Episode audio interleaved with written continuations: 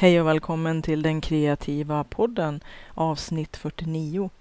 Jag tänkte idag att vi skulle prata om vad är kreativitet? Och det kan ju vara kanske lite sent att tänka på redan eller när det har gått 49 avsnitt, men det kanske är dags då. Jag tror faktiskt ärligt att jag har pratat om vad kreativitet är för mig.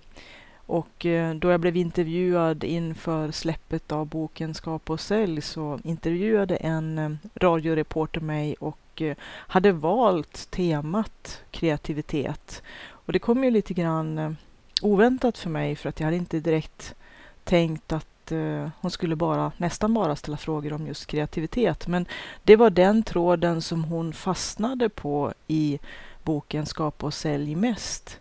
Och så här i efterhand kan jag ju tänka och känna att hon hade ju helt rätt. Men då när hon ställde frågan vad kreativitet var till mig helt sådär äh, från nästan en blixt från klar himmel som jag inte hade väntat mig eftersom att jag inte hade väntat att inriktningen på, på den här äh, utfrågningen skulle ske kring just kreativitet som röd, röd tråd. Och eh, jag sa att för mig var kreativitet problemlösning. Att jag sysslar med problemlösning hela mitt liv och att lösa problem på nya sätt och tänka utanför boxen ingår i det konceptet. Att eh, all problemlösning är kreativ och att nästan all kreativitet på något sätt i någon aspekt är problemlösning. Och jag har ju till och med utvidgat begreppet sedan dess till att omfatta hela livet. Att faktiskt vårt eget liv är förhoppningsvis en eh, kreativ resa men också vårt största kreativa projekt överhuvudtaget. Och det gör ju att spannet och eh, inriktningen på den här podden är ju ofantligt stort. Man brukar ju säga att man ska försöka begränsa sig och att eh, se till att göra projekt som är noga och helst också nästan ännu smalare och hårdare begränsade än vad man från första början kanske tycker är nödvändigt. För allting har en tendens att svälla och bli jättestort. Så har det ofta varit för mig och det har jag pratat om en hel del gånger i den här podden. Att det är lite svårt ibland när man drabbas av den här kreativa iven eller den här glöden som gör att man bara vill mer och vill mer och vill mer. Nu valde jag ju kreativitet som inriktning när det gällde den här podden eftersom att på något vis den här utfrågningen i radio inför boksläppet av Skapa och sälj där den här reporten så tydligt hade sett den här röda tråden av kreativitet i boken gjorde att jag lite grann fick en sån här aha-upplevelse. Att ja, exakt. Allting handlar ju om kreativitet om det som jag har skrivit i just den här boken. Och kreativitet är ju någonting som jag verkligen brinner för och som eh, driver mig. Det är egentligen nästan efter vatten, syre och kärlek och kanske lite mat så är det min livskraft, min drivkraft, mitt bränsle, det är kreativiteten. Och då när jag var som sjukast och var i princip dödsdömd enligt den diagnos jag hade fått och eh, hade varit på väg att dö flera gånger, så var det nästan bara kreativiteten som kunde motivera mig att fortsätta kämpa. Ärligt. Men eh, kreativiteten, det är ju den och ja, om man nu vill kalla kreativiteten för problemlösningen eller problemlösningen för kreativitet, så är det ju den som hela tiden gör att jag eh, längtar efter att få utföra och genomföra fler utav mina projekt för att se vart de ska leda. För det är också lite grann utav, precis som livet, en överraskningsresa. Vad kommer att hända härnäst? Man vet ju inte. Och det är liksom en, i alla fall i början, så är det ju många gånger en svart box. Och man vet inte vad som finns i. Och man vet inte vad som kommer runt hörnet. Och det är ju det som också är så fantastiskt härligt. Att det finns alltid möjligheter för överraskningar. Och kreativitet är ju någonting som jag tror frodas bäst av överraskningar och av att inte veta. Att ibland kanske vi blir lite för inrutade och lite för inboxade och det hämmar oss. Och det har jag ju pratat om i olika former och på olika sätt i den här podden som ett nästan genomgående tema. Så att eh, Självklart så, så är det ju så att vi måste våga frigöra oss och gå utanför våra bekvämlighetszoner och samtidigt som jag har nämnt i någon annan podd att det här med kreativitet är ju också någonting som handlar om utmaningar.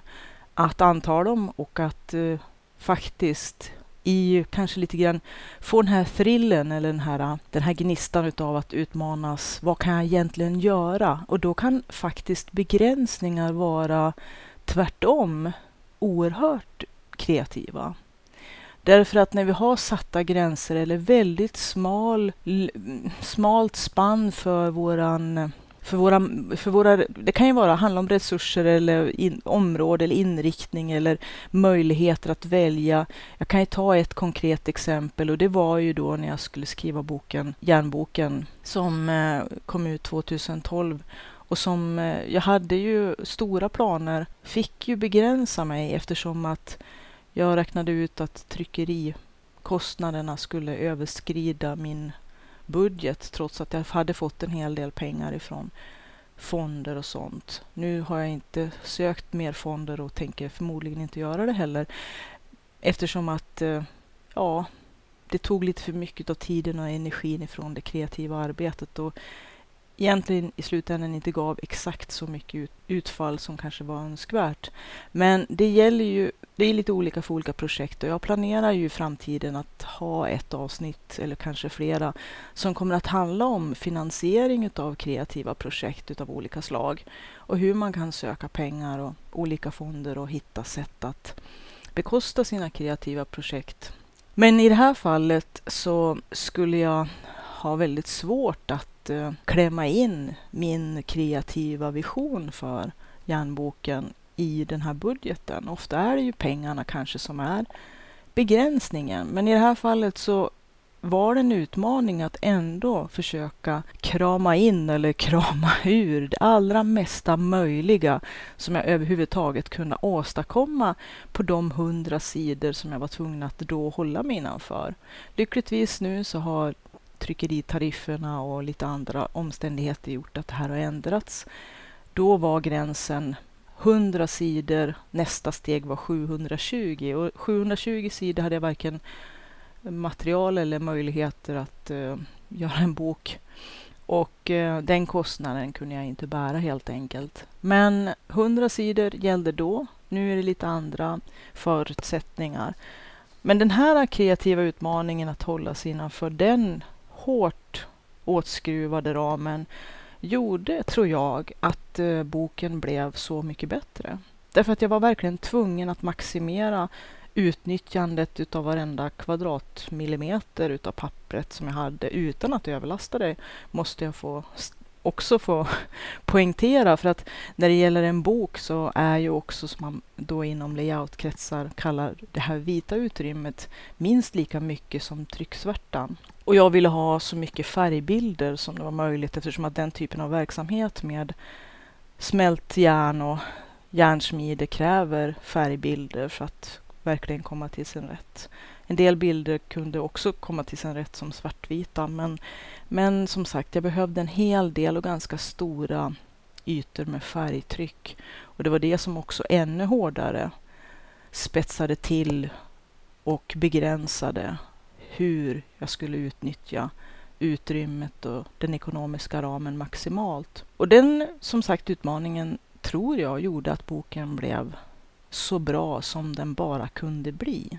Att ibland kan de här begränsningarna pressa oss att göra det här äh, som vi nästan inte ens trodde att vi kunde göra eftersom att vi från början var rätt, äh, ja, hej och hå, hit och dit och fram och tillbaka.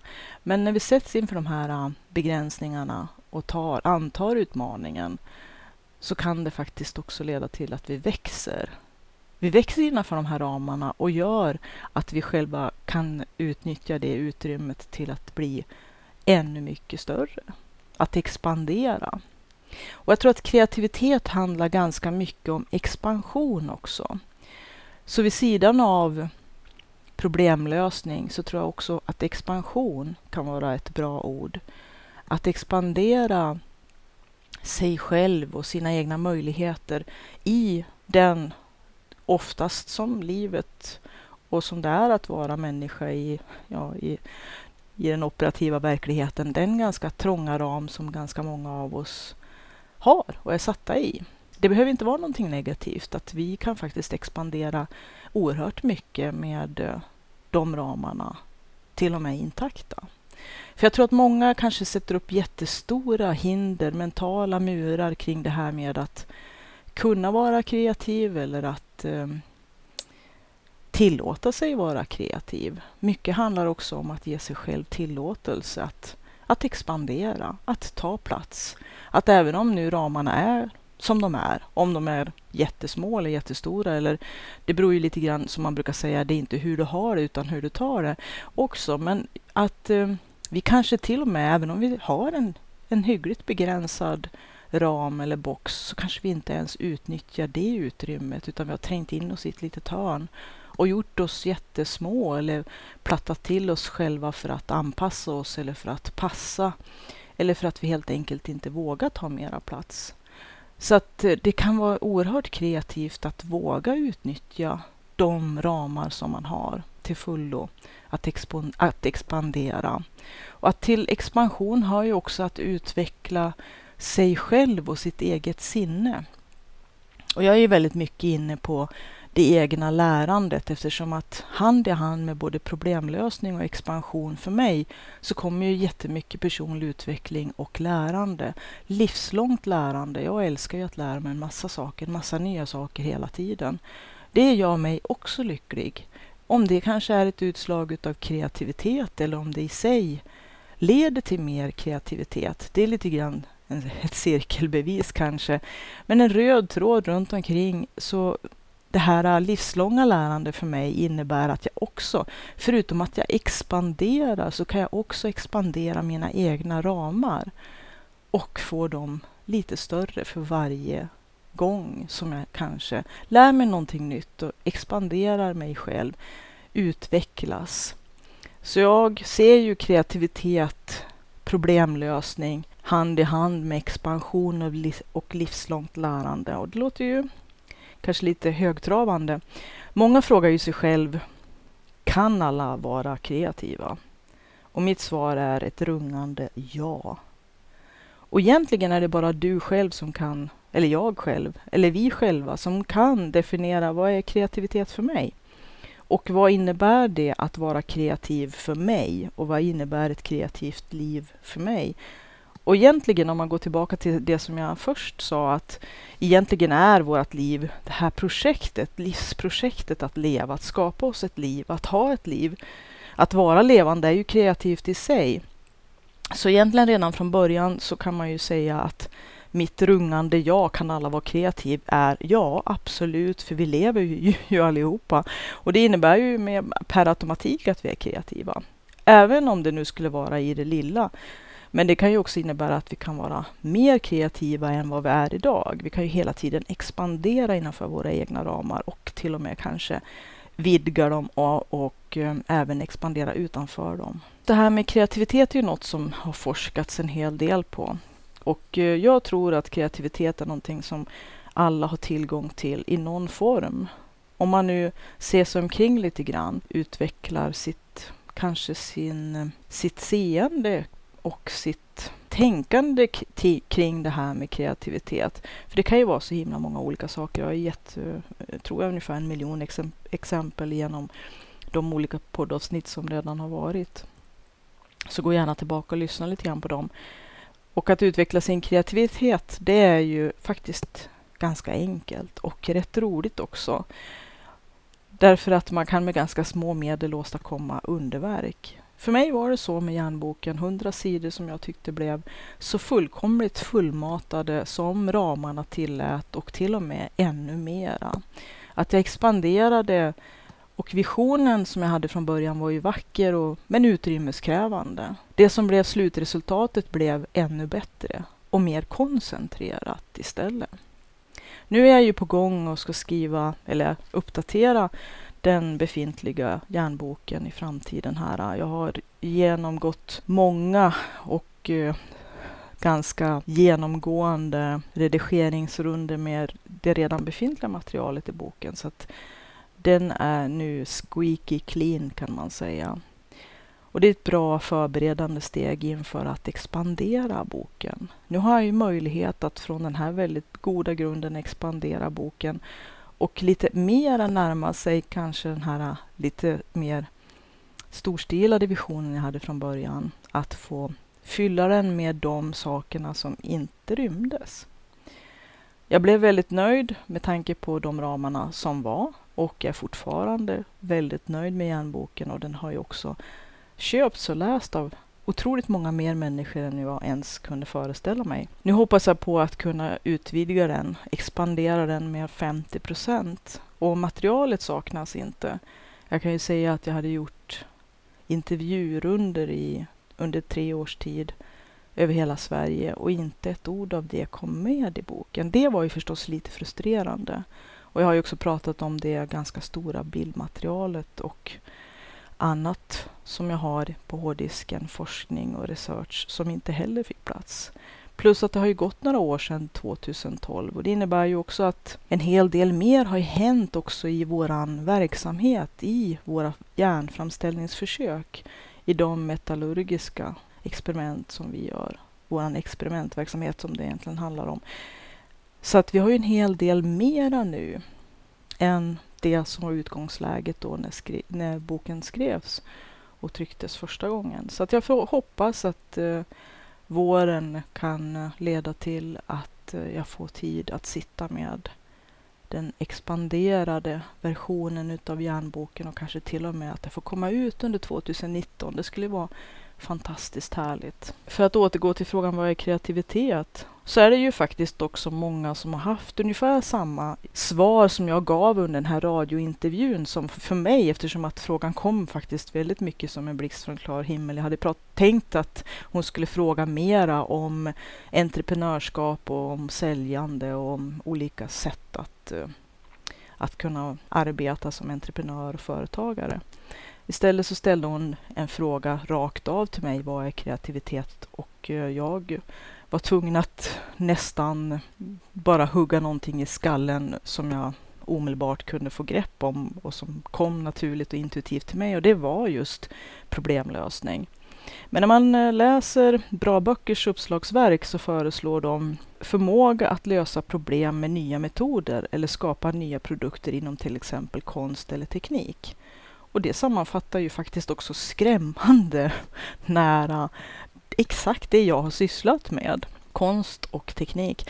Jag har ju aldrig själv, som jag berättat tidigare, kallat mig själv för konstnär någonsin. Och det var min man som började mer och mer säga att det var jag som var konstnären och sådär. Och sen har andra människor kallat mig för konstnär och artist och sådär. Även om att jag då lite skämtsamt har sagt att jag nog är en konstnärligt lagd tekniker, vilket i sig är ju nästan en motsägelse. Eller en tekniskt lagd konstnär. Konstnärligt lagd tekniker. Jag vet inte vad som låter värst. Centralt för kreativitetsbegreppet om man läser det är nyskapande. Att kombinera nya ting på ett oväntat sätt eller skapa helt nya ting med nya användningsområden. Att man frigör sig från de gamla begränsningarna. Och där kommer man ju in på det här som jag pratat om idag, just det här med begränsningarna. Att eh, frigöra sig från dem, att expandera eller tänka utanför boxen. Och ibland genom att gå runt dem, att helt enkelt hitta sätt att eh, ramarna eller begränsningarna eller boxen inte ens räknas. Att ändra på problemet så att de inte längre gäller. Man brukar ju säga det att om man inte kan eh, klättra över en mur så får man gräva sig under den. Och i värsta fall så får man gå längs efter muren ända tills den tar slut och gå runt den.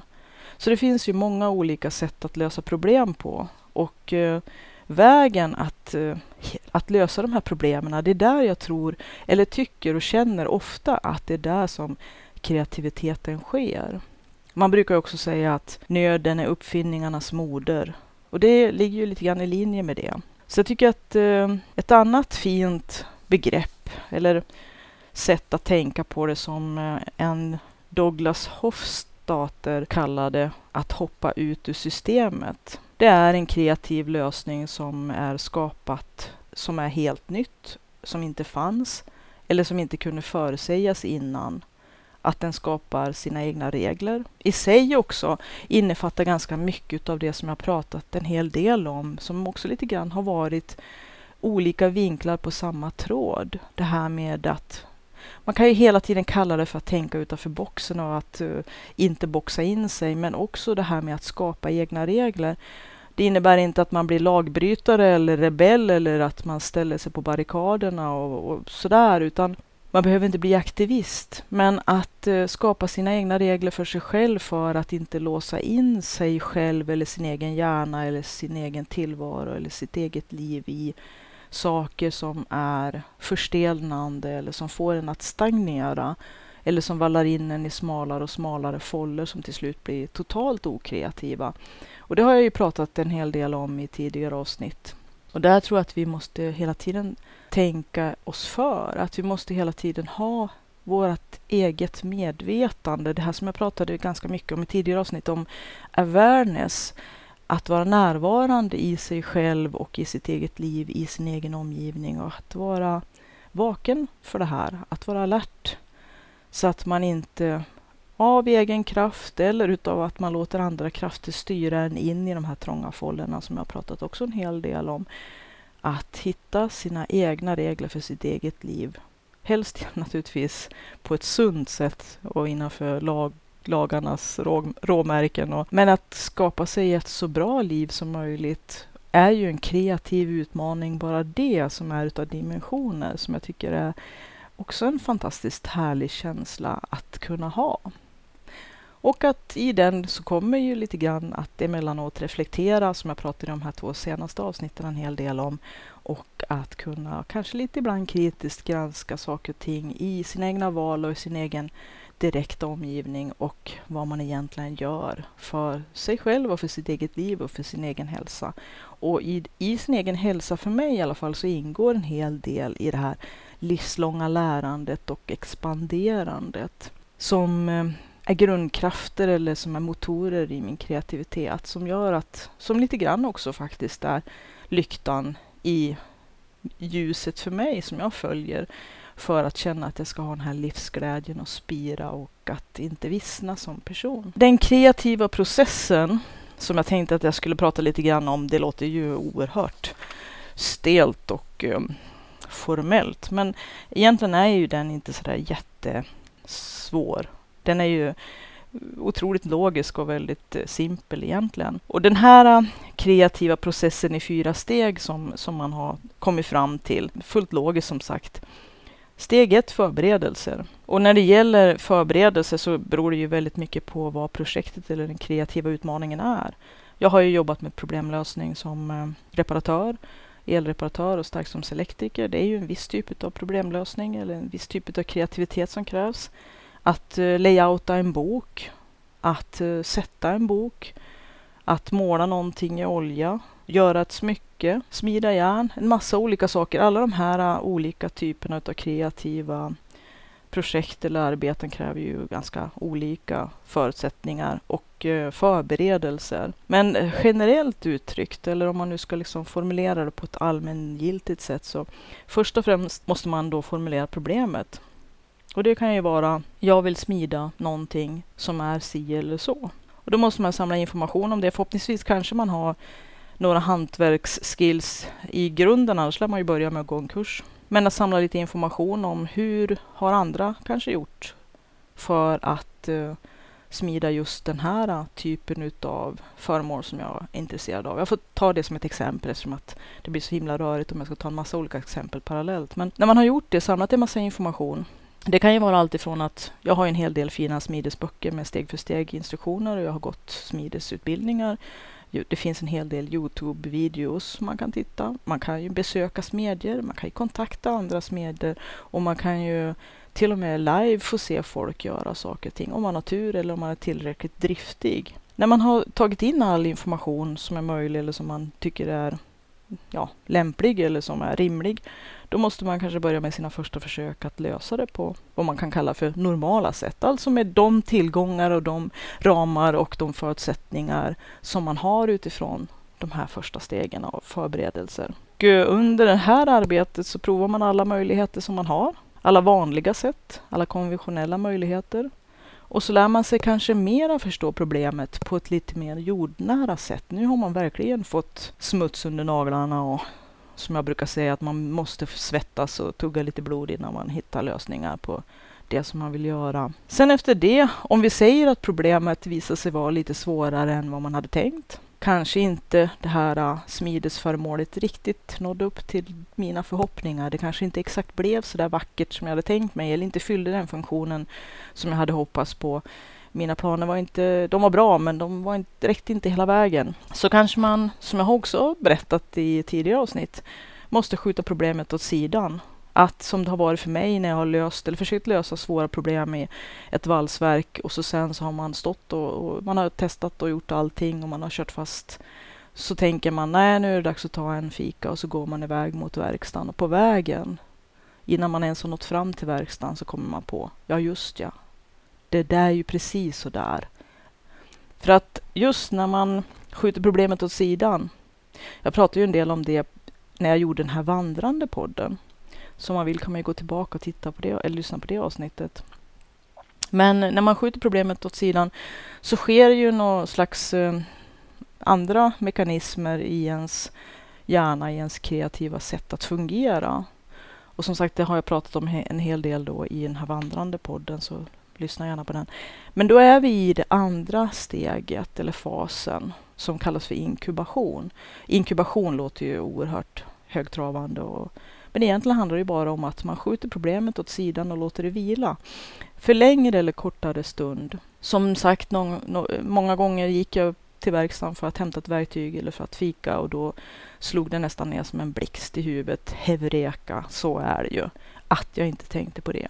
Att bara gå ifrån problemet ibland, att skjuta åt sidan en kort stund och vila mentalt ifrån det kan lösa upp knutarna. Som när det gäller till exempel bokmanus så säger man ju att när man har skrivit det första shitty first draft eller det första hemska utkastet som man måste inse kommer att vara en slags eh, råvara som man sen får fortsätta bearbeta till den färdiga produkten. Då föreslår ju många, eller tycker att det är oerhört angeläget att man lägger det i en byrålåda, skjuter det åt sidan helt enkelt.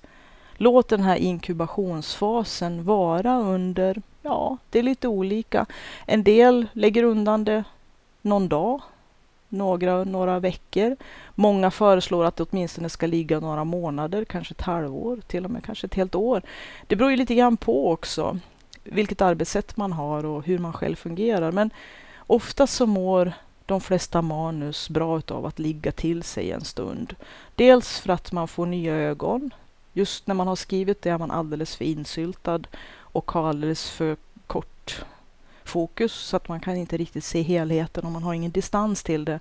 Så manuset måste ligga till sig. Och sen så kom, när man kommer in i första redigeringsrundan så kan man ha nya och fräscha ögon och se på det lite mer med distans och inte vara så hårt eh, uh, fästad vid sina darlings. Och man kan liksom, ja, med lite kallare hand kanske börja bearbeta texten då, för det är ju ett arbete när man måste vaska fram guldet ur det här ah, shitty first draft. Och det kräver en viss inkubation. Och det kanske kan överföras på ganska många andra områden också. Det som är bra under inkubationstiden, det är ju att syssla med någonting helt annat som jag pratade om i den här vandrande podden.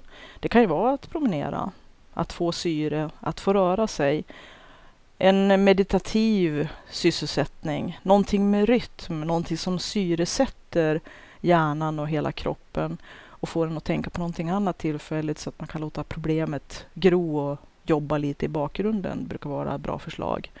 Diska är ju ett sånt där monotont arbete. Agatha Christie hade ju det som sin specialitet. Det var det bästa sättet tyckte hon att tänka ut nya detektivromaner på.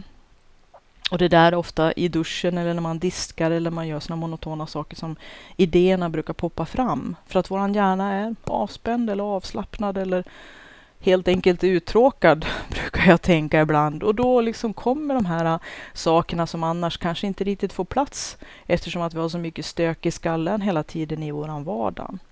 Och den har jag ju också pratat en hel del i, i olika poddavsnitt om att våran vardag måste vi försöka tygla för att vi ska nå fram till våran kreativitet och att vi måste göra plats för kreativiteten och inte bara gömma oss bakom att det är så bråttom, bråttom hela tiden. När idén har fått ligga och gro och ligga till sig lite grann, den här inkubationen har gjort sitt, då kommer steg eller fas tre som kallas för insikt. Och den kan ju vara omedelbar, som i mitt fall när jag är på väg och ska fika uppför trappen till verkstaden och kom på Hevreka, herregud att jag inte har tänkt på det. Det är ju självklart, det är ju kristallklart, nu förstår jag ju precis. Det kan ju vara någonting som tar lite längre tid.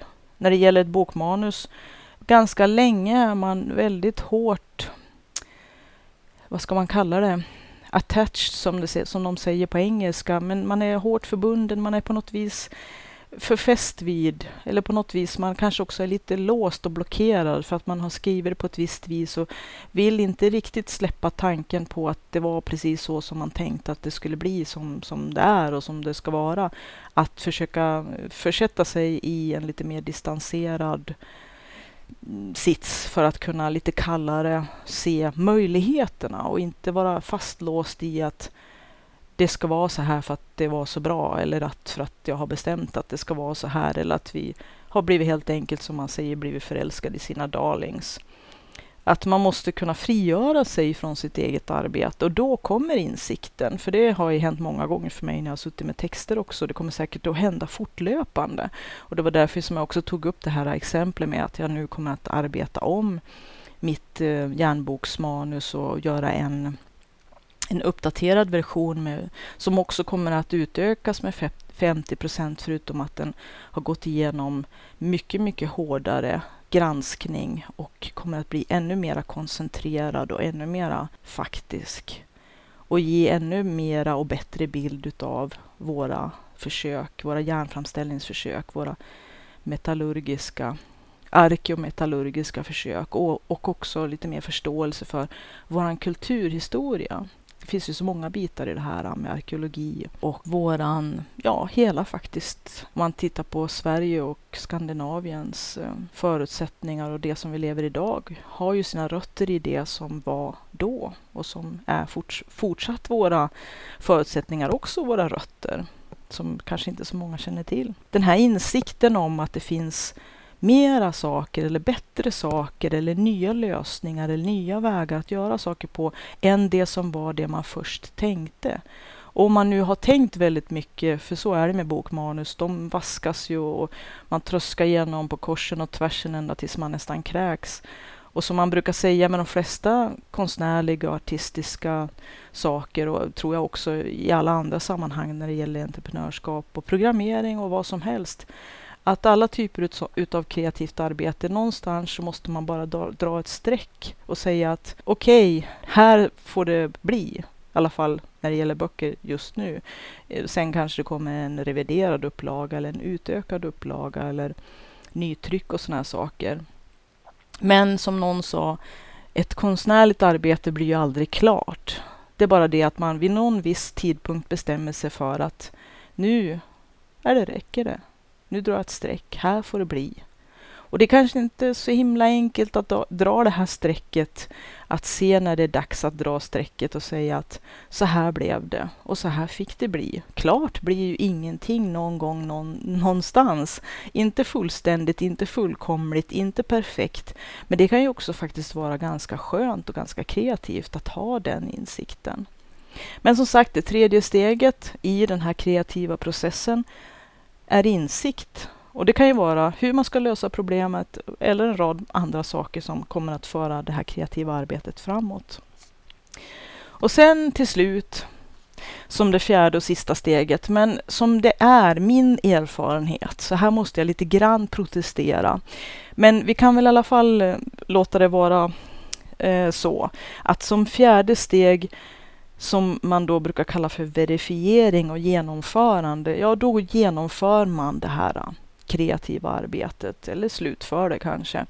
Att man har förberett det, man har tittat på problemet, man har skaffat in all information, man har haft inkubationen så att det har fått vila till sig längre eller kortare tid. Man har fått en insikt om hur det här äh, måste lösas.